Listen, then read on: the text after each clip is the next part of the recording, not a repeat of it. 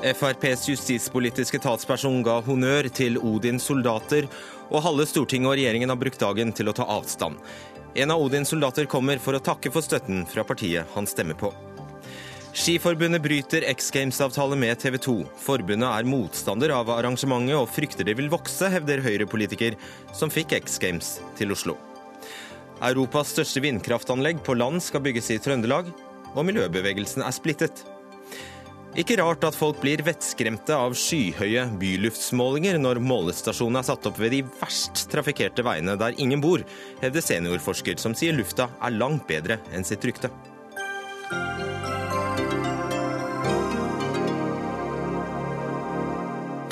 Fredrik Solvang og redaksjonen har prøvd å sette sammen en utgave av Dagsnytt 18. Vi håper du liker. Først i denne sendingen om Odins soldater, som ble toppsak i nyhetene i dag pga. denne uttalelsen på Politisk kvarter i morges fra Fremskrittspartiets justispolitiske talsmann Jan Arild Ellingsen. La meg starte med det viktigste først, nemlig at Fremskrittspartiet gir selvfølgelig ikke noe, noe ubegrensa tillit til Odins soldater. Men det er altså sånn at vi har tidvis et bybilde som ingen ønsker seg, hvor det begås kriminalitet, det begås andre handlinger vi ikke ønsker oss, og der norsk politi ikke har ressurser nok til å gjøre jobben. Og Da syns vi at enhver borger som ønsker å bidra for å redusere utrygghet, redusere kriminaliteten, bør få honnør nettopp for det. Ja, og Reaksjonene har vært sterke fra opposisjonspartier, samarbeidspartier og regjeringspartner Høyre. Men Ronny Alte, du er talsmann for Odins statsperson for Odins soldater. Velkommen. Jo, takk. Hvordan føltes det å få honnør fra justispolitisk statsperson i Frp? Nei, Det er hyggelig at politikere våger å stå fram og si det mange andre tenker. Så du blir glad? Ja, det er klart vi blir glad. Jeg vil rette en stor takk. Virkelig. Og da må jeg spørre, hva stemmer du?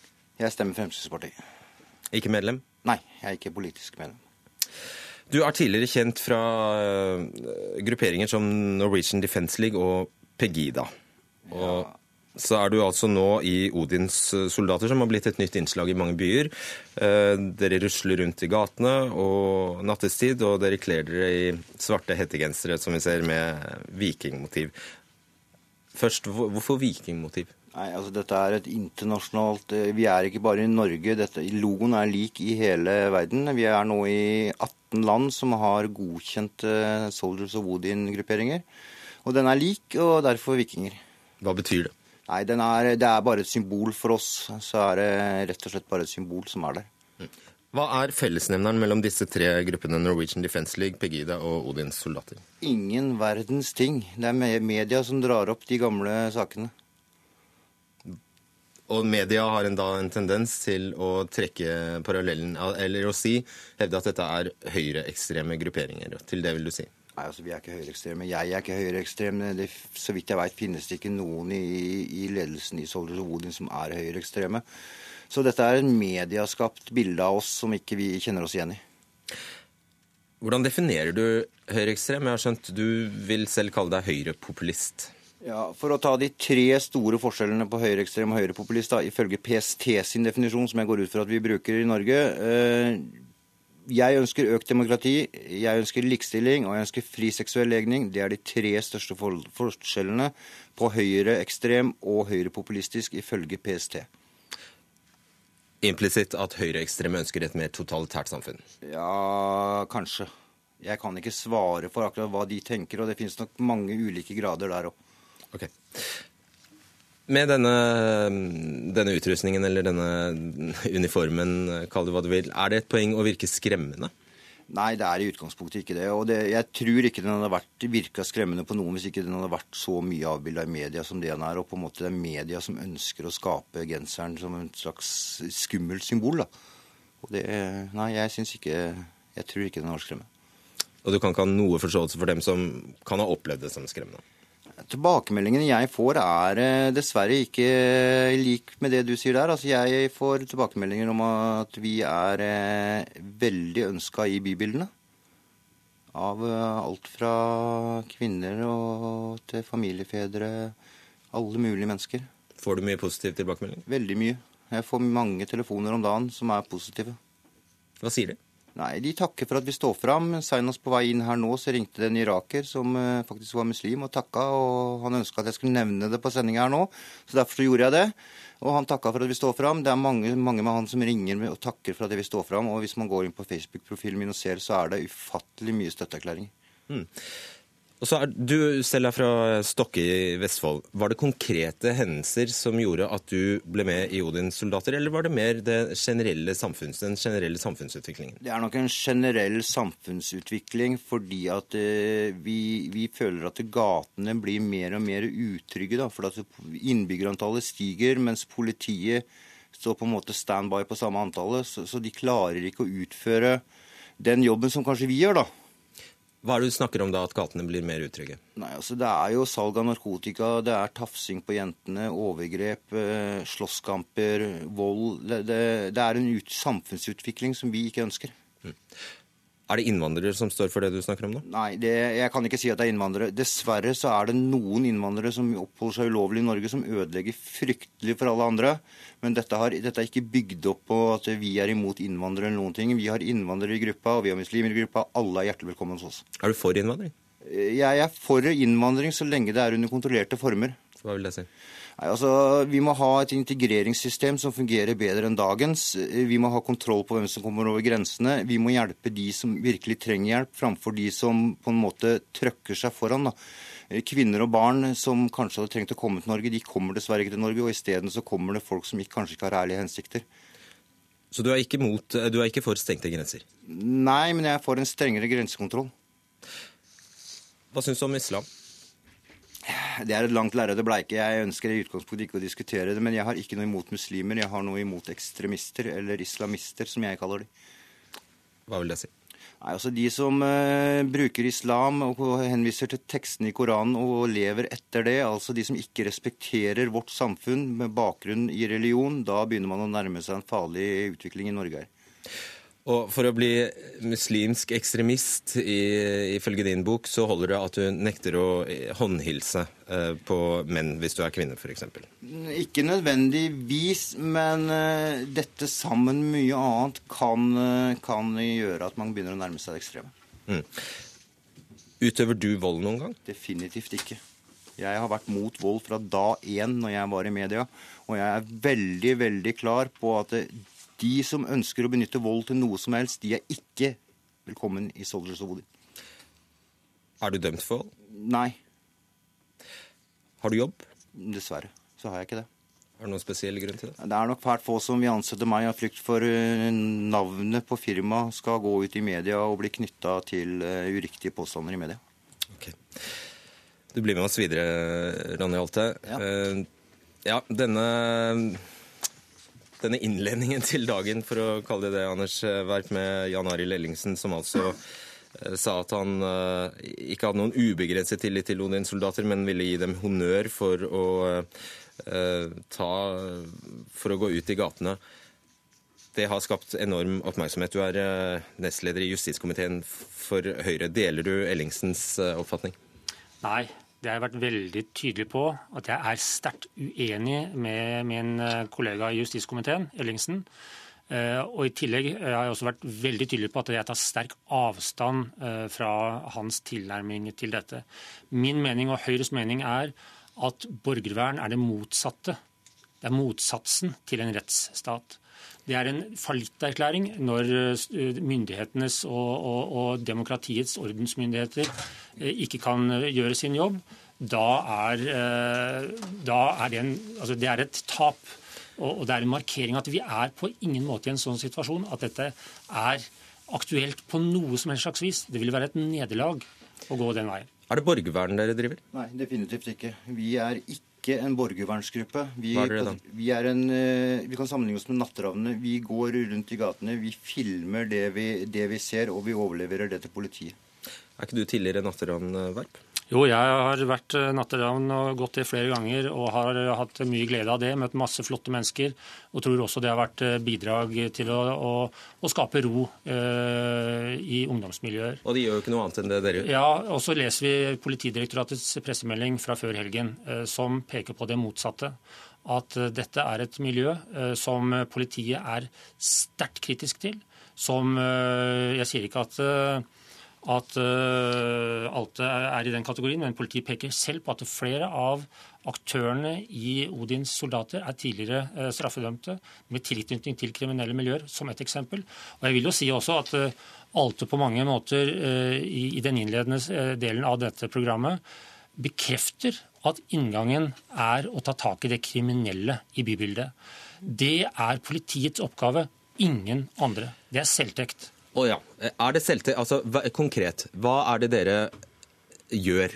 Vi går rundt i gatene. Hvis vi ser uh, salg av narkotika, tafsing, uh, vold eller lignende, så filmer vi det. Så leverer vi det til politiet, som har sagt at filming på offentlig sted er gull, for det kan brukes som bevis i retten. Er det fare for liv og helse, så er det enhver borgers plikt å gripe inn. Vi gjør ingenting. Vi setter oss ikke over loven, og vi har et godt samarbeid med politiet i alle de politidistriktene eller politistasjonene vi har vært ute og gått. Det høres greit ut? Det høres veldig tilforlatelig ut, men jeg er uenig. Fordi For det første, politiets tilbakemeldinger er at her ønsker man ikke kontakt med dette. Politidirektoratet er tydelige. Man ønsker ikke dette. Eh, det har vært litt ulik praksis i noen politidistrikter i, i, i landet. Det er sterkt beklagelig. Det har jeg og flere med meg på Stortinget påtalt. Her er det en politisk oppgave. Her er det en oppgave for politidirektøren å rydde opp i dette og få én klar linje, og det har de gjort, heldigvis. Og Før du slipper til Kirsti Bergstø, stortingsrepresentant for SV, så skal vi informere om at vi har ringt omtrent alle som er i Frp, for å få dem til å stille her i dag. Det har de ikke ønsket. Eller det kunne ingen. Bergstø, eh, i dag har da Anders Anundsen forsøkt å klargjøre i en kommentar eh, regjeringens syn, bl.a. ved å si at eh, det er politiet som skal trygge våre gater, og at de samarbeider godt med vekterselskaper og natterammene. Og Han sier at han har vanskelig for å se at Odins soldater har noen rolle i denne sammenhengen. Holder det? Jeg skulle ønske at eh, justisministeren var mye tydeligere. Eh, og vi ser jo at eh, Politidirektoratet er tydeligere enn regjeringa i dette spørsmålet.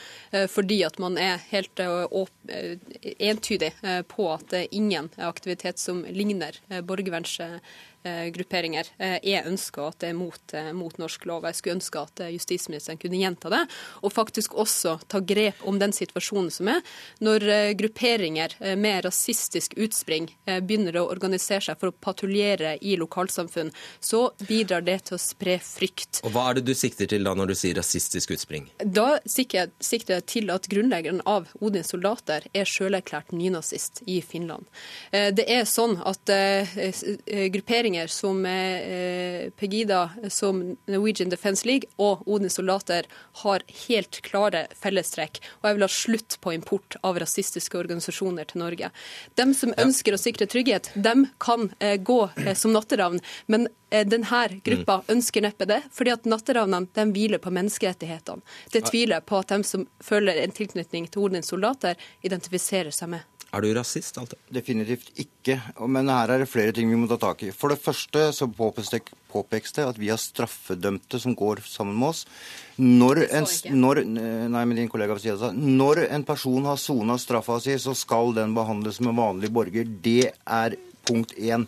Vi kan ikke ekskludere folk som har begått kriminelle handlinger fra samfunnet. En fartsbot er per definisjon en kriminell handling. La meg bare sitere fra Politidirektoratets pressemelding. Flere av gruppens medlemmer har tilknytning til kriminelle miljøer. Og jeg understreker, jeg sier ikke at alt er i den gruppen, men flere av miljøet er i den gruppen. Og, det, det er, understreker jo Politidirektoratets Men, ja, jeg skjønner, tilnærming. Jeg skjønner det. I mangel av eh, representanter for Fremskrittspartiet her, da. Hvor spesielt er det ikke at justispolitisk talsperson for et regjeringsparti kan gå ut og egentlig i realiteten erkjenne at man ikke bevilger nok penger til politiet, slik at det blir nødvendig for slike grupper å ta loven i egne hender. Ja, Derfor er det jo veldig viktig å merke seg at uh, her har statsministeren, uh, partilederne i regjeringspartiene, de parlamentariske lederne har gått ut og vært veldig tydelige på De står ikke bak den uttalelsen. Men hvordan står, kan den skje? Ja, Dette får representanten Ellingsen selvfølgelig svare for selv. Dette, dette er hans mening. Dette står ikke noen av partiene for. Det står selvfølgelig heller ikke regjeringen for. Vi, vi, har nå en regjering som har styrket politiet med over 3 milliarder kroner siden regjeringsskiftet. Over 1000 nye politistillinger. Det har ikke Så, Ellingsen fått med seg? Det da, eller? Det har han helt sikkert, men, men, eh, det er i hvert fall faktum. Og, og, det har jo skapt et tryggere Norge. Du vil følge opp dette i Stortinget, har jeg forstått rett? Ja, jeg stilte et skriftlig spørsmål til justisministeren i dag om hva eh, han konkret ønsker å foreta seg eh, for nettopp å hindre at grupperinger med rasistisk utspring skal opptre Eh, patruljerende i norske lokalsamfunn. Det er faktisk et eh, anliggende for justisministeren. Og skulle han kunne gjøre? De går jo bare tur. Grunnen til det ja, men... er at både Ellingsen fra Frp i dag og argumentasjonen til Odins soldater her bidrar til å undergrave politiet og politiets rolle. Det er politiet som har eneansvaret for å holde eh, lov og orden i Norge i dag. og da er det viktig at vi alle støtter opp under det. Hva skulle, hva skulle Anundsen eller politiet kunne gjøre hvis de bare rusler seg en tur. Men det er jo ikke snakk om å rusle seg en tur. Det er jo snakk om eh, Det alltid beskriver, er, er, jo å rusle seg en tur. Eh, ja, og etter eh, ti minutters koseprat i starten her, så skjønner jeg at det kan være en oppfatning mange sitter med. Men vi snakker om en helt åpenbar eh, rasistisk utspring i organiseringa. Vi snakker om maskerte eh, menn som opptrer eh, i grupper. vi ser at på Odin soldaters egne informasjonssider så står det at man skal gå i grupper på ti og ti, og minst ti og ti, så man kan forsvare seg hvis man er i gettoområder eh, osv. Vi ser at de symbolene som brukes, gir sterke assosiasjoner til høyreekstreme miljøer. Og vi ser på Odin soldaters egen Facebook-side at det er ekstreme og rasistiske holdninger som florerer. Dette er ikke snakk om eh, gutter som har lyst på en søndagstur i lag. Dette er snakk om noen som eh, ser på, på som sin oppgave å sikre lov og orden, med utgangspunkt i at vi har fått flere flyktninger til landet. Her er det snakk om et rasistisk rasistisk utgangspunkt som sprer frykt. Alt det. Uh, Jens har er flere ting å ta tak i. For å presisere det. Politidirektoratet sier at de ikke ønsker borgervernlignende grupper. Vi er ingen borgervernsgruppe. Det er punkt én.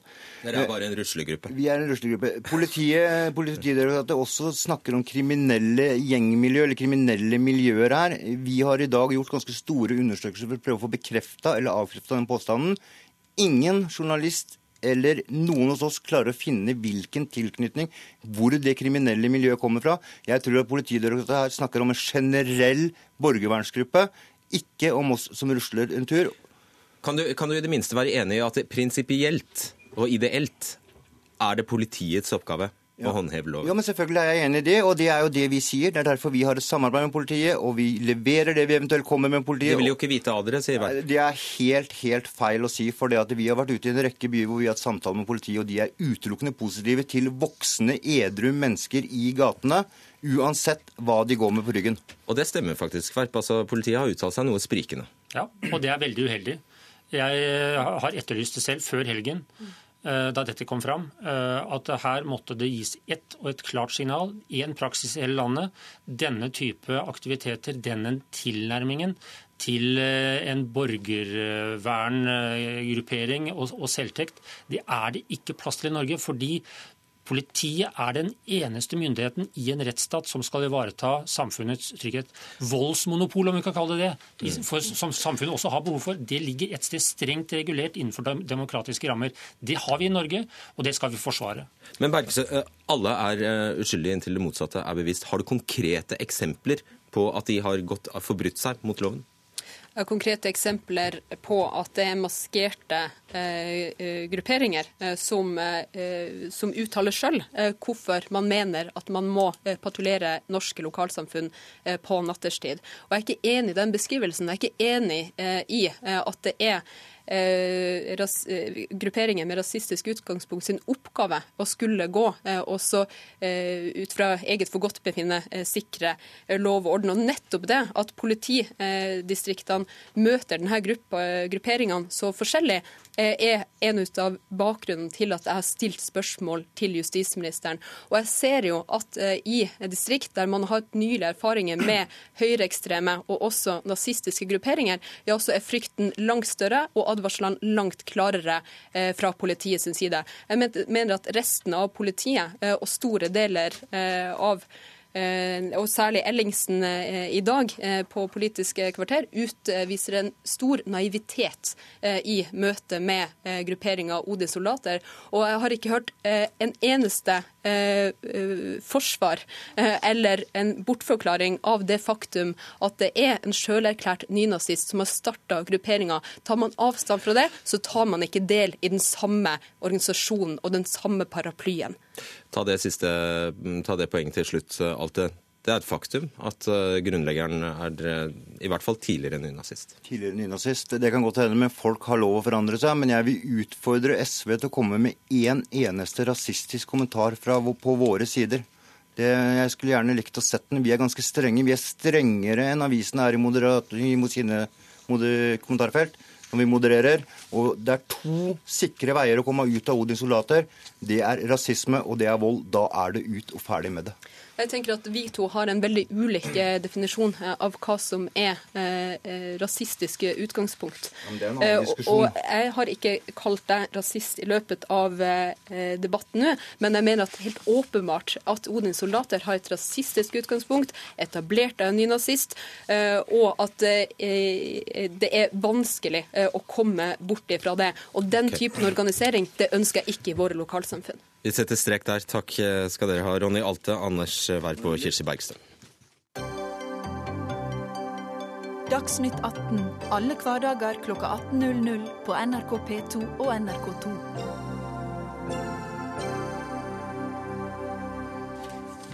Ja, nå til bråket rundt X Games. For søndag kom beskjeden om at Skiforbundet bryter avtalen med TV 2.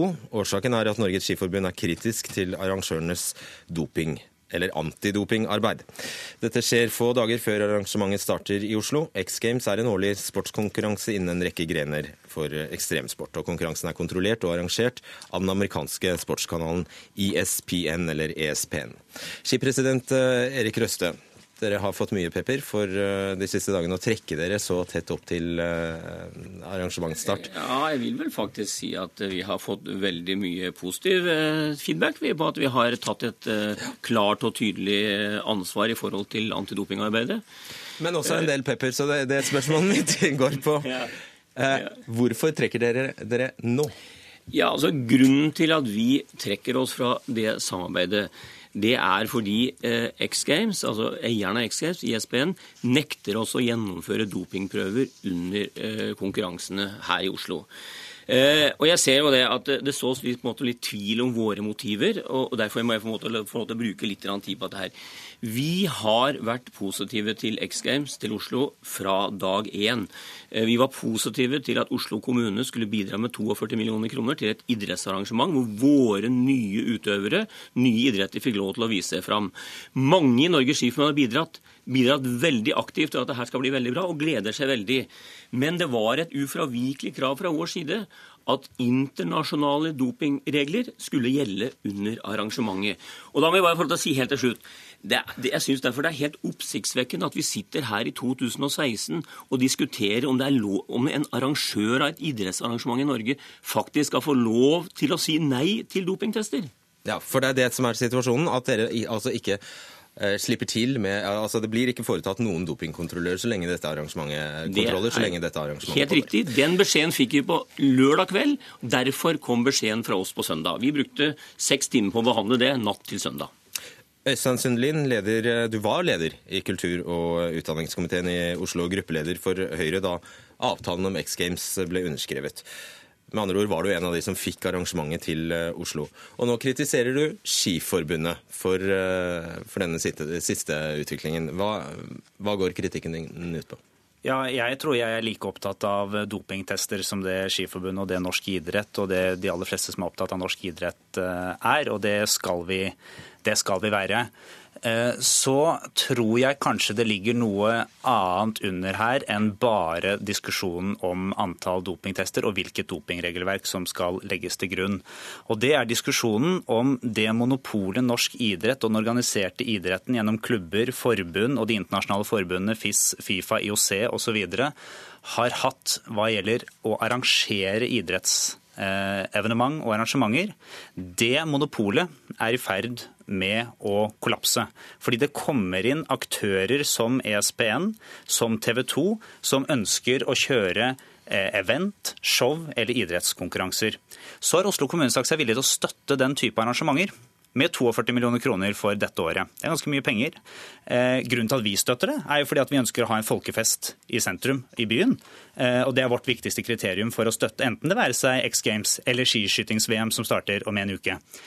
Men jeg tror nok norsk idrett begynner å føle litt på og kjenne litt på den utfordringen og det problemet det er med kommersielle aktører som er i ferd med å bryte opp i deres monopol. Ok, Så har du spekulert i de mulige motivene Røste måtte ha, men kan du ikke bare forholde deg til det faktum at vi der, her skal arrangere et svært, og du har bidratt til å få det hit, svært idrettsarrangement midt i Oslo, og det skal ikke foretas noen dopingkontroller?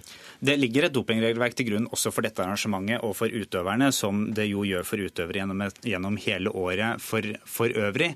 Jeg har ikke som bystyrepolitiker og og eh, vært med på å være initiativtaker for X Games, eh, gått i dybden på hvilket dopingreglement arrangøren legger til grunn. For jeg synes ikke jeg som politiker skal legge den type føringer. Nei. En ting er å være opptatt av det, men altså, dette må vi nesten legge til grunn. At de gjør eh, det som både er korrekt og det som er riktig, og det som er viktig for å opprettholde troverdigheten til arrangementet. Men som politiker så tror jeg ikke jeg skal gå inn eh, og detaljstyre alle sider av et arrangement, men heller stole på arrangør utøvere og de forbundene som sender utøverne sine til eh, arrangementer, slik Skiforbundet gjør, at de er med på å opprettholde det som er lov og orden innenfor idretten. Ja, Røsse, Ta denne spekulasjonen da om at du har eh, skjulte motiver. Jeg, jeg, forstår jo det at eh, Øystein Sundelin og andre i hans tidligere byråd ønsker å vri debatten over på noe annet enn det den faktisk handler om. Denne debatten handler om det er greit å arrangere idrettsarrangement i Norge uten hvor det blir nektet å ta dopingprøver. Eh, hadde, vært, hadde Øystein Sundelin syntes det var greit at eh, Bislett Games eller Holmenkollen skifestival eller Norges Fotballforbund når de arrangerer en landskamp, kom og sa nei, her får dere ikke teste, uh, teste, ta dopingprøver. Hadde det vært en grei problemstilling? Selvfølgelig hadde det ikke det. Så klok er jeg helt sikker på at Øystein Sundlin er som en, den drevne politikeren han er. Og Hvis men, du var konsekvent men, i den tankegangen, men, så skulle du ha insistert ja, må, på at utøverne, dine egne utøvere ja, trakk seg fra arrangementet. Men jeg må også, jeg må også korrigere Øystein Sundlin, for han tar, tar, han tar feil i forhold til å si at det er lagt til rette for dopingtester under X Games. Det var det, Vi fikk den endelige beskjeden på det på lørdag kveld. Det er ikke lagt til rette for dopingtester under X Games i Oslo etter in competition-listen, som er det som brukes alle andre, uh, i alle andre arrangement i Norge. Og Hvis jeg får lov til å ta et, en lite resonnement til, Øystein Sundelin. Uh, for under en uke siden så var jeg på Lillehammer på et fantastisk arrangement, ungdoms-OL. Der sto det tre eh, nordiske idrettsministre, bl.a. Eh, ei som representerer ditt parti, Høyre, og oppfordret norsk idrett til å ta et ansvar, særskilt ansvar i dopingspørsmålet. Og jeg sto på TV etterpå og sa at ja, det skal vi gjøre. Og så er det det første du ber meg om, etter at de har sagt ja til det, det er å tillate at vi skal arrangere en idrettskonkurranse i Norge hvor et internasjonalt dopingreglement ikke gjelder. Det er helt umulig for meg å kunne gjøre som en idrettspolitiker. Mm. Jeg, vet, jeg, vet, ikke om resonnementet blir for langt, men la oss, la oss, si at eh, vi som politikere skal ta, ta alle utfordringene idrettene møter eh, på ordentlig på alvor.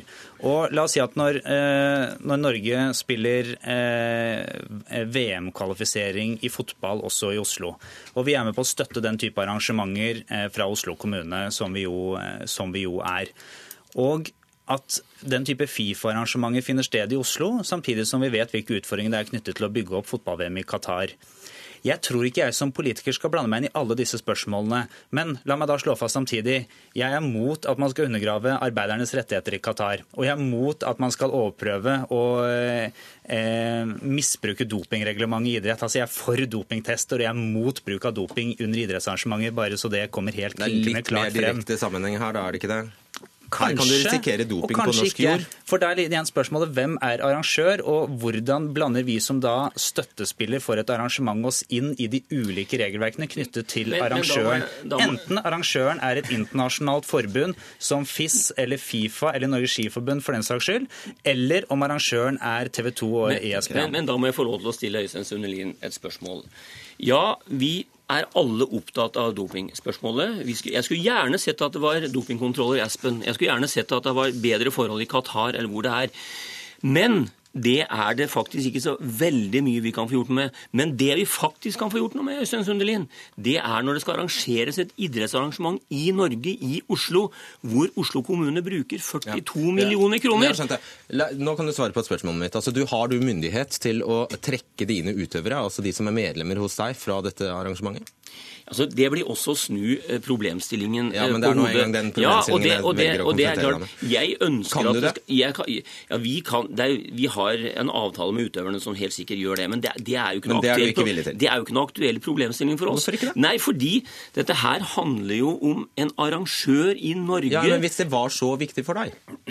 Ja, det er viktig for oss. Eh, men dette her handler om et arrangement i Norge som nekter oss å ta eh, dopingprøver. Da blir det en helt uskyldig tredjepart som skal lide for at eh, Oslo kommune ikke har satt tilstrekkelige vilkår for at det skal tas dopingprøver under X Games i Oslo. Hvorfor høyere krav til en bidragsyter, som det Oslo kommune er i dette tilfellet, og, en, og et nasjonalt forbund som sender utøvere til arrangementet? Nei, vi, vi, er opptatt av dopingspørsmålet. Og vi har en avtale med våre utøvere. Våre utøvere er ivaretatt. De kan testes når som helst, hvor som helst, hensyn til vår avtale som vi har med dem. Så våre utøvere er ivaretatt. Det, men det jeg er opptatt av her, det er at når, når det skal arrangeres en idrettsarrangement på norsk jord, da må vi faktisk kunne stille de samme kravene til X Games som vi stiller til Bislett Games, Holmenkollen skifestival og hva det nå er. Også Norway Cup, som du er leder for, Øystein Sundelin. Men da vil jeg litt tilbake til inngangen min. Ja, da må hvis, det være veldig kort. Ja, for hvis, hvis, du først var med på dette her fra starten og man kjente til at både X Games og Arctic Challenge hadde dette dopingreglementet som nå legges til grunn under X Games i Oslo som starter på fredag, eh, og det har det vært i årevis i disse arrangementene, og så var Skiforbundet med det hele veien, men nå på slutten nei, så begynner man å vri dette nei, litt inn. Da lurer jeg på om det er andre motiver knyttet til monopolsituasjonen norsk idrett har hatt til å arrangere ja, vi har prøvd i lang tid. Og jeg, kan bare få lov til å referere til et brev som Antidoping Norge sendte til Oslo kommune ved deg, Øystein Sundelin, 13. april, 16 dager dere før dere tok vedtaket. Vår anbefaling vil være at byrådet vurderer å sette vilkår om antidopingarbeidet, herunder kontrollvirksomheten, under konkurransene i forbindelse med tilskudd til arrangementet. Dere ble oppfordret i forkant til å ta det forbeholdet, både av norsk idrett og av Antidoping Norge. Men dere valgte å ikke gjøre det. Ja, vi har Mats Kangstad her også. Du er eh, TV 2-kommentator og tidligere proffsyklist. Og med andre ord så skal du altså jobbe for eh, denne mediearrangøren, men du er ikke her for å forsvare TV 2, du er her fordi du har en tydelig stemme i antidopingdebatten. Eh, du mener at det vi nettopp hørte her, gjenspeiler problemet med antidopingarbeidet. På hvilken måte? Jeg syns det gjenspeiler fordi at antidopingarbeidet er ikke unisont. Og problemet her er jo ikke på kommunen eller nasjoner eller hva det måtte være som institusjoner som, som er med og bidrar til disse arrangementene, blir en del, en del av eller blir arrangert. Problemet er hos idretten at det er ikke, det er, det er, det er ikke unisont nok på tvers av idrettene, på tvers av land, på tvers av miljøer osv. Og, så og det tror jo publikum at det er. De tror at det er ett regelverk som gjelder for alle, og det er det ikke. Og Det der gjenspeiler jo det. Og jeg er jo ganske, jeg er ganske optimist jeg, på vegne av X Games i Norge. For jeg tror at dette er en institusjon som er kommet for å bli.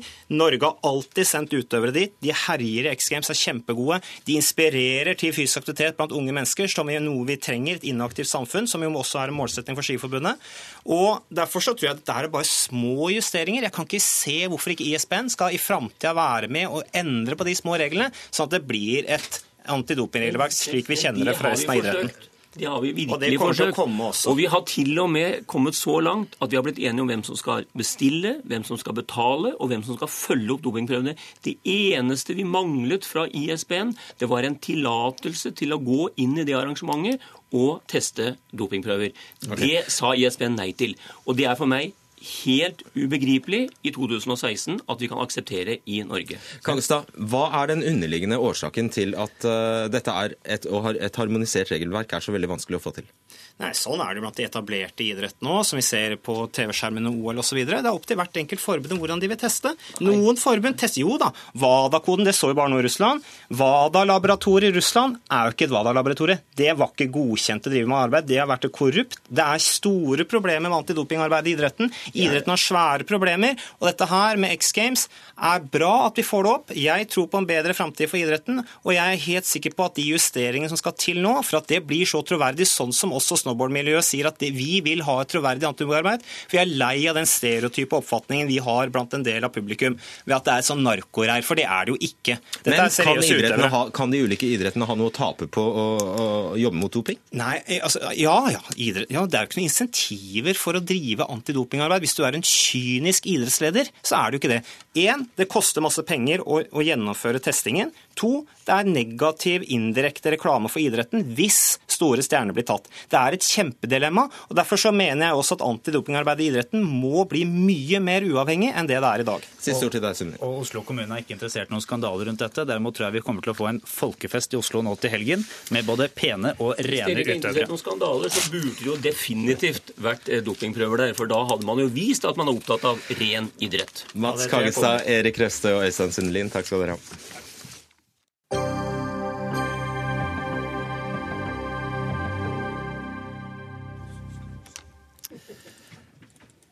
Da skal jeg bare skynde meg å si at de som eh, ser oss på eh, NRK2 nå eh, snart enten må skru på radioens eh, P2 eller finne oss på nrk.no, for vi må vike plass for verdenscup i alpint, nærmere bestemt parallellslalåm. Så var det sagt. Norge skal få Europas største vindkraftanlegg på land. 11 milliarder kroner investeres i seks vindparker i Midt-Norge, på Fosenhalvøya, Hitra og i Snillfjord. Det er Statkraft, Trønderenergi og noe som heter Nordic Wind Power DA, som går sammen om prosjektet. Anleggene skal produsere 1000 megawatt kraft, som tilsvarer strømproduksjonen for 170 000 eh, husstander. Og Rasmus Hansson, Miljøpartiet De Grønne stortingsrepresentant. Hurra! Hurra for en eh, stor, flott vindsatsing, og det motsatte av hurra for et enormt naturinngrep. Eh, Og det vi sier er at vi må fortsette å utvikle eh, fornybar energi i Norge. Men vi kan ikke fortsette å gjøre det til så enorme naturkostnader som dette her. Hvis det fortsetter, så kommer vindkraftsatsingen i Norge til å stoppe opp. Motstanden kommer til å bli for stor. Så nå må vi diskutere hva gjør vi for å gi naturen en høy nok pris til at man tar nok naturhensyn, og hvilke alternativer finnes. F.eks. å flytte vindsatsingen ned i kulturlandskapet der veier og kraftledninger osv. Så egentlig er det ikke engang et betinget hurra, det er tommelen ned. Nei, jeg har nettopp sagt høyt og tydelig, så programlederen hørte det. Flott at vi, får denne, at vi får denne store, eh, Bare ikke der. dette store prosjektet. Bare ikke der. Jeg vil si at Naturkostnadene blir for store hvis vi bygger på den måten, men vi er nødt til å finne nye måter å utvikle fornybar energi i Norge på. Ok. Prøver med, med deg, eh, klima- og miljøminister Vidar Helgesen. Hurra! Ja, jeg sier definitivt hurra, for dette er et eh, veldig stort uh, fornybarprosjekt som eh, viser veien til lavutslippssamfunnet, og eh, som i tillegg gir eh, klimavennlige arbeidsplasser og god lokal næringsutvikling. Så det er et veldig positivt prosjekt. Så eh, glem regnen og glem naturen. Nei, det er alltid sånn når man skal gjøre utbyggingsprosjekter at man må balansere øh, hensyn mot hverandre. I dette tilfellet veldig tydelig klimahensyn og miljø- og naturmangfoldshensyn. I forrige uke eh, gikk vi ut med at vi ikke vil gå for utbygging av Siragrunnen. Der er et av Norges viktigste fugletrekk. Eh, denne gangen så står vi overfor et prosjekt som ikke har så inngripende konsekvenser for natur og miljø, men som er veldig viktig i et klimaperspektiv.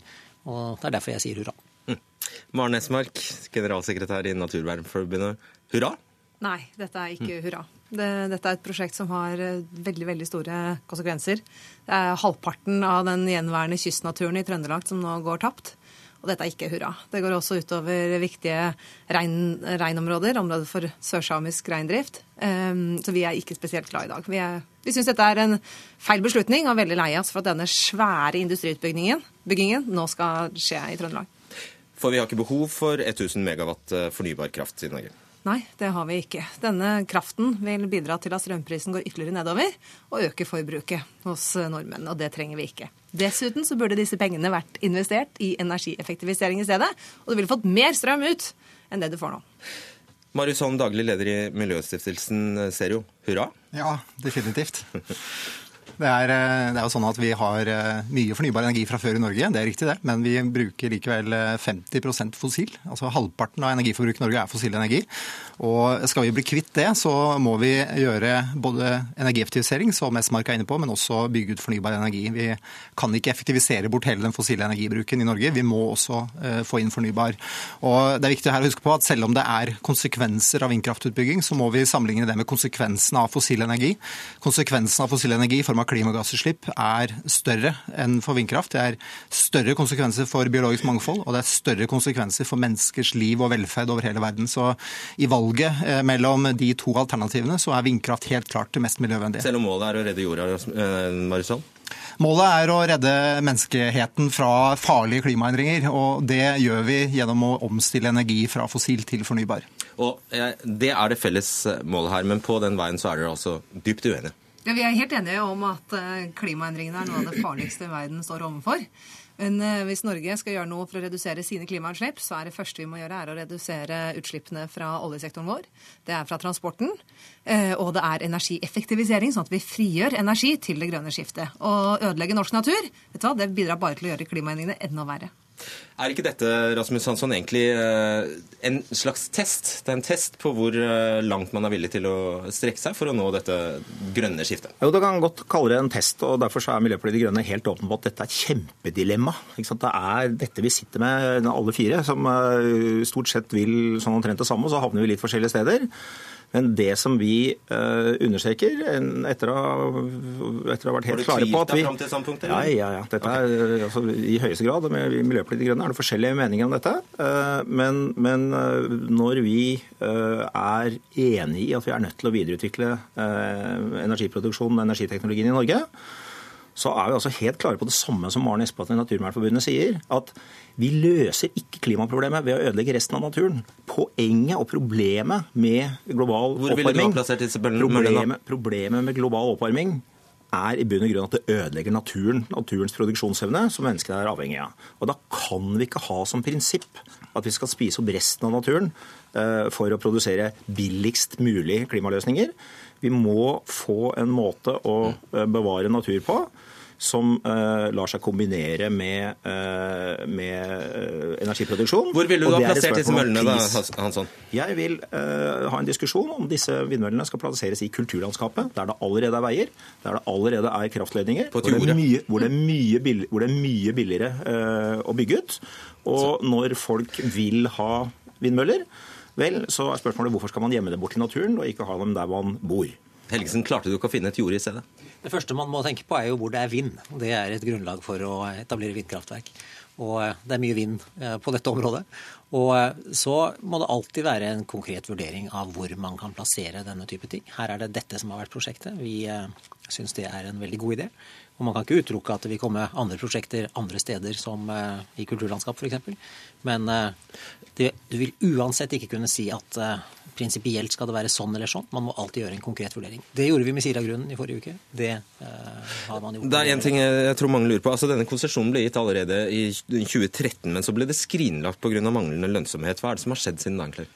Det har vært gjort et uh, grundig arbeid fra Statkraft for å mobilisere kapital til dette. og Derfor er Esmarks poeng uh, ganske feilslått. Det er ikke sånn at du kan flytte disse pengene fra det ene til en uh, annen type satsing. Dette er ikke bare norske skattebetaleres penger, som man for øvrig også skal være varsomme med å disponere.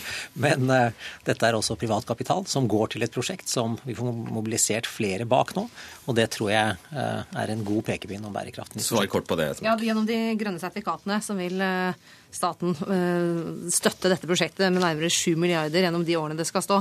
Og de 7 milliardene burde vært, Det er offentlig støtte og det er offentlige penger, og de burde vært brukt til enøktiltak fremfor å støtte et sånt naturødeleggende prosjekt som dette her er. Du hadde ikke hatt investorer til det, sier han?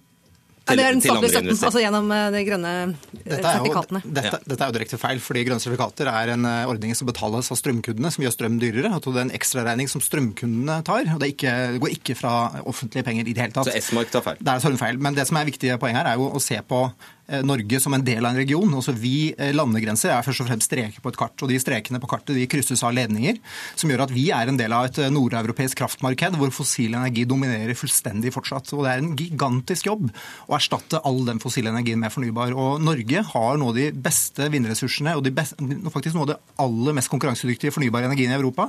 Og det er det vi bygger ut her nå. Og hvis vi ser på, Jeg er litt skuffa over, eh, over Hansson og De Grønne her. fordi Hvis vi ser til Tyskland, så har de bygd ut 40 gigawatt vindkraft de siste årene. Eh, Bare i 2014 bygde de ut 5 gigawatt, altså eh, fem ganger mer enn dette ene prosjektet som vi nå skal bygge ut i Norge.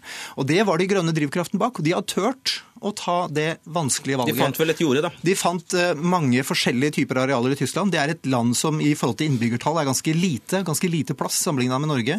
Likevel har de funnet plass til det, fordi vi er nødt til å ta det valget. At vi må tåle å se vindmøller rundt oss for å bli kvitt den usynlige forurensningen, nemlig CO2-utslipp, som er mye, mye farligere. Og Hansson, det er jo veldig stusslig. Hvis dette er en del av det grønne skiftet, så er det jo stusslig for arbeidsplasser. Altså de 40 arbeidsplasser dette her. Ja, eh, og vindsatsing på land i Norge vil ikke gi mye arbeidsplasser. Det vil gi energi.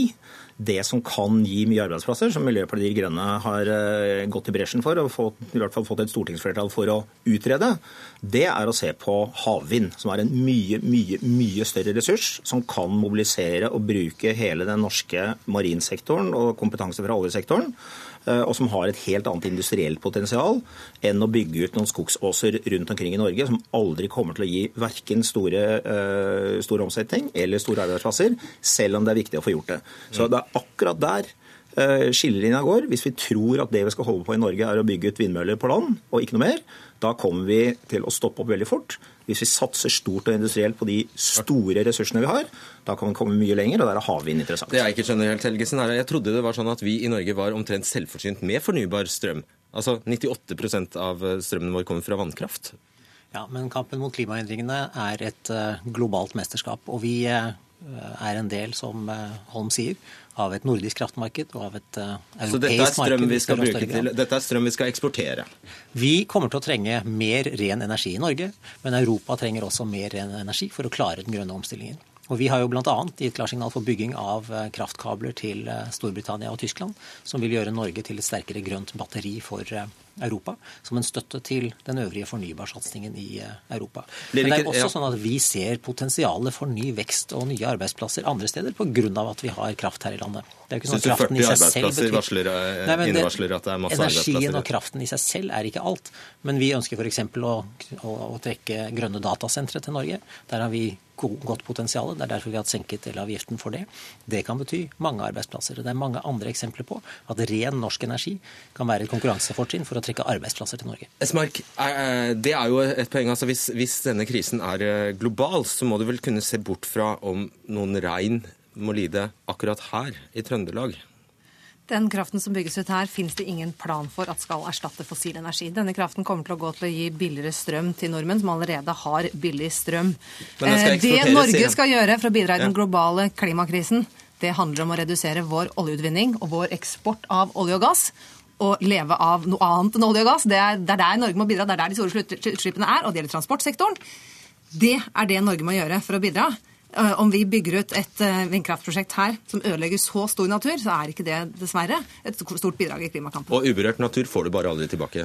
Her er det på en måte premiss at vi skal ødelegge naturen på Fosen. Det skal vi altså ikke. Vindmøllene er synlige, men de ødelegger ikke nødvendigvis naturen. Så det, så det, det må vi med det- bilvei, det blir et industriområde når du slutter å tulle. kan ikke, vi kan ikke si at naturen er ødelagt, fordi vi vi ser i veldig mange områder hvor vindkraft er bygd ut, at folk ferdes og liker å ferdes i de områdene. Men det som er det grunnleggende her, altså Esmark etterlyser en plan for hvordan dette skal erstatte fossil. Ja, vi er faktisk ikke en planøkonomi, vi er en markedsøkonomi. Og det som skjer i markedet når vi får denne fornybare kraften inn, er jo en helt ny dynamikk.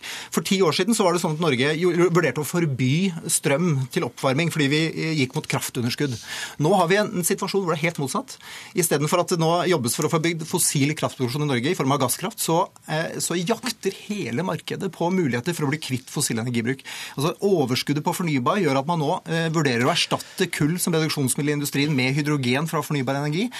Kraftbransjen prøver å elektrifisere fergeflåten, bilparken. Altså Det er en enorm dynamikk i å bli kvitt fossil energi, fordi nå har vi den fornybare. Og til slutt, Rasmus Hansson, ser vi, Er det mulig å trekke historiske linjer tilbake til vannkraftutbygginga? Er det, Er det, de, er det de konfliktene som gjenoppstår nå?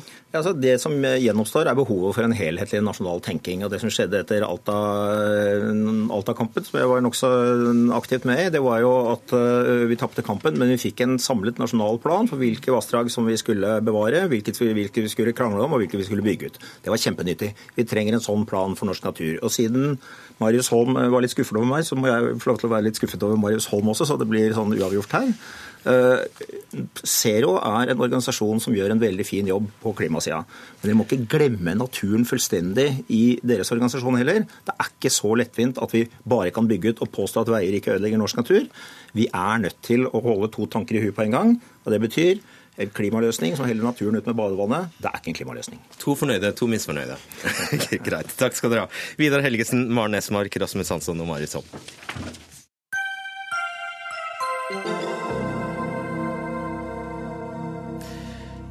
1900 personer dør hvert år en for tidlig død pga. dårlig byluft, sier myndighetene. I flere byer iverksettes det drastiske tiltak for å begrense biltrafikken på de verste vinterdagene, men målestasjonene er plassert inntil de mest trafikkerte veiene og veikryssene, og gir derfor et helt galt bilde av hvor dårlig luftkvaliteten egentlig er i de største byene. For røyking, alkohol, usunn mat og stillesitting betyr mye mer for helse og dødelighet enn luftforurensning. Det hevder du, seniorforsker Sverre Landgård i en kronikk i Aftenposten. Er vi blitt lurt? Det tror jeg ikke. Men la meg nå først si at jeg tror jo at vi stort sett er enige om det aller beste. Det er ja. noen nyanser som det er forskjell på. Og vi er, ikke, vi er ikke invitert for å snakke om det dere er, er enige om. Nei. Nei. Eh, men det er der vi kanskje er eh, litt uenige. Eh, det er jo målestrategien. Jeg kommer fra et fag Du er altså tidligere overlege. Ja, tidligere overlege. og hvor jeg jobbet med forurensning på arbeidsplassen. og Der gjør vi også mye målinger. og der, De målingene som vi legger opp til der, de er jo eh, der legger vi veldig stor vekt på at de skal være veldig representative for den eller de personene og gruppene målingene gjelder.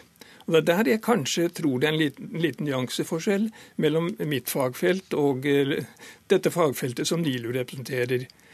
Eh, jeg oppfatter kanskje at noen av de målestasjonene eller målepunktene langs eh, de store veiene og store veikryssene kanskje kunne utnyttes bedre ved å plasseres ut der folk bor den største delen av eh, døgnet. Ja, for Da sier du altså at, at, eh, ved å plassere målestasjonene ved de mest trafikkerte veiene, så får man altså ikke en representativitet, og folk eh, tror at lufta rett og slett er mye dårligere enn den kan være andre steder i byen. Målingene der er ganske sikkert tilnærmet representative for det målepunktet hvor målingene mm. utføres, men neppe veldig representative for f.eks. Eh, de mest tettbefolkede bydelene, f.eks. i Oslo. Og Hva oppnår man da? Da skremmer man folk, eller? Eh, det er nok alltids noen som blir litt skremt, men jeg tror jo folk er vant med dette etter hvert. Mm. Leonor Tarasson, forskningsdirektør i det allerede introduserte NILU, altså Norsk institutt for luftforskning. For å være helt konkret, på Hjortneskaia i Oslo, altså der Color Line eh, legger fra, der bor det ingen. Likevel står det altså en eh, målestasjon for NO2 der. Hvorfor det? Vi trenger det for å se også hva skjer i havneområdene, og bidrag fra forskjellige kilder, f.eks. For fra skiptrafikk. Det er viktig for oss å vite hvilke kilder har vi i Oslo. Og det er derfor vi tenker bare, ikke, ikke bare Veinar. Vi tenker eh, stasjoner også i forskjellige steder av byen. Vi har bibakgrunnsstasjoner. Vi har også Sofienverk midt i en park. Vi har også stasjoner som er uten, eh, uten den veinære, for å kunne faktisk kartlegge alle kildene. Et, før du fortsetter, så skal jeg bare ile til og, og bare uh, forsøke å rydde, rydde, litt i begrepene her. Altså det, vi, vi, det, er viktig å skille mellom svevestøv, som da kan deles inn i, i, etter størrelse, og nitrogenoksider, som da er hovedkilden, da, er, der hovedkilden er eksosutslipp fra dieselkjøretøy og svevestøv. Og det som måles på Hjortneskaia, er altså NO2. Det er riktig. Og ikke, ikke svevestøv. Ikke svevestøv. det er at uh, havneområdene og den, den, delen som har å gjøre med, med skiptrafikk, den bidrar veldig lite til svevestøv. Mm. Ja, Og da er det slik at De målingene som gjøres på Hjortneskaia, de gjøres gjeldende for altså hele byen. F.eks. på de verste dagene så er det målinger fra Hjortneskaia som bestemmer hvilken farge hele byen får. Er det sånn? Nei, det er det ikke. Og der, der bruker vi stasjoner både veinære, fra Hjørneskaia, fra, fra bybakgrunnsstasjoner. Og så bruker vi veldig mye modeller òg, for å se hvordan det er. Ingen... Vi må vite noe om, om, hvordan det er med fordeling av uh, luft i byene, og ikke bare basert på disse stasjonene. Men din fremste, en av dine fremste innsigelser, uh, Landgård, er at det finnes ikke målinger for NO2 i sentrum. F.eks. i Sofienbergparken, da, som uh, Tarason nevner. Ja, det jeg trodde det var det, men det, det er det også. Men at det er i Sofienbergparken og nede på Grønland er det målinger. Og det er jo målstasjon i Kirkeveien hvor det også bor noen mennesker. Men de øvrige stasjonene de ligger jo, slik jeg ser det, langs eh, hovedtraseene og store kryss. Der man kanskje primært måler veitrafikkforurensning og ikke nødvendigvis annen forurensning. Der vil jeg si at eh, det er forskjellige formål med disse, eh, med disse stasjoner. De stasjonene som er eh, plassert langs veiene, er for å identifisere der hvor forurensning er verst i hele byen. Det var veldig mye med tanken på trafikk, som var første kilde i byområdene. Og det er basert med den tanken at hvis det er forurensning er bra i disse områdene, da har vi ikke et problem andre steder. Disse brukes ikke til å ha eksponeringstall, som eh, vi snakker om, disse 1900 mennesker som bor i Oslo. Da bruker vi ikke disse veinære stasjonene. Da bruker vi faktisk bybakgrunnsstasjoner, og vi bruker en forståelse om hvordan forurensning er generell i byene. Så der skremmer vi ikke med de tallene på dødelighet basert på disse stasjonene. Det er viktig å forstå hva er det kommer fra de forskjellige stasjoner, men også med at vi trenger å få en forståelse av fordeling av luftforurensning i byene. Og da, da, bruker vi både modell og forståelse med spredning av forurensning og eh, stasjonsdata. Bare for å gjøre en lang historiekort. Altså, du betviler at dette tallet som myndighetene bruker, at det er 25 ekstra dødsfall årlig i, Os eh, i Oslo ja, eh, pga. dårlig luft. Du betviler det? Ja, nå Tidligere var det jo modeller som tilsa at det skulle være 25 ekstra dødsfall som følge av en endring på ett mikrogram svevestøv. Og Det var hevdet at kom fra WHO, og det, det, er jo tall som ikke har noen rimelighet. Hvis man eh, overfører de f.eks. til arbeidsmiljøsituasjonen, hvor, hvor eh, normene for svevestøv er 5 milligram, altså, altså 1000 ganger størrelsesorden høyere, så ville jo meget stort antall mennesker dø hvis uh, dette var en virkelighet. ikke sant? Ja, for Dere sier faktisk at i vestlige land så tror dere at uh, luftforurensning kanskje bidrar med 1 ja, som årsak til uh, tapte, fri, friskår og leveår? Ja, det tallet vet man ikke. Men det er et lite tall i forhold til andre årsaksfaktorer som fører til forkortet levetid for mennesker. Mens dere opererer med tall på 1700-1900 personer? Det vi opererer, det er metall som er basert på Verdens helseorganisasjon, og som er basert på uh, de studiene som, som, som går på uh, miljøpåvirkning uh, av, av luftforurensning. Og det er sånn at når vi, når vi, relaterer det som har å gjøre med livsstilssykdommer, andre typer sykdommer som kan ha, være en helseplage, og vi ser på den miljørelaterte. Vi ser miljørelaterte kan være lavere, men miljørelaterte er noe som er en samfunnsansvar. Og der kan vi ikke slutte å puste, og samfunnet og myndighetene har et ansvar som er meget viktig å, å jobbe med. Dette er et poeng i seg selv, fordi det, det er en annen dimensjon. Vi har ikke styring over hva vi puster inn. Eh, men det har vi for så vidt heller ikke på arbeidsplassen. Der har arbeidstakere heller ikke styring annet enn man kan beskytte seg.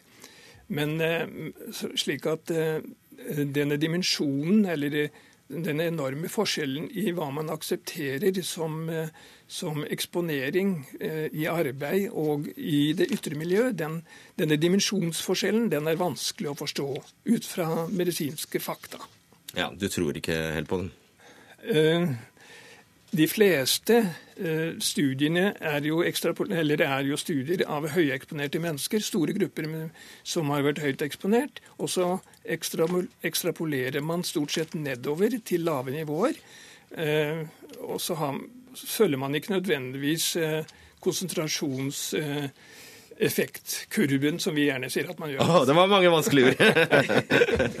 vi fortsetter en annen gang. Takk skal dere ha, Sverre Langgaard og Leonor Torasson. Dere fikk avslutte denne Dagsnytt 18-sendingen som Dag Dørund var ansvarlig for. Teknisk ansvarlig var Hans Ole Hummelvold, og i studio Fredrik Solvang.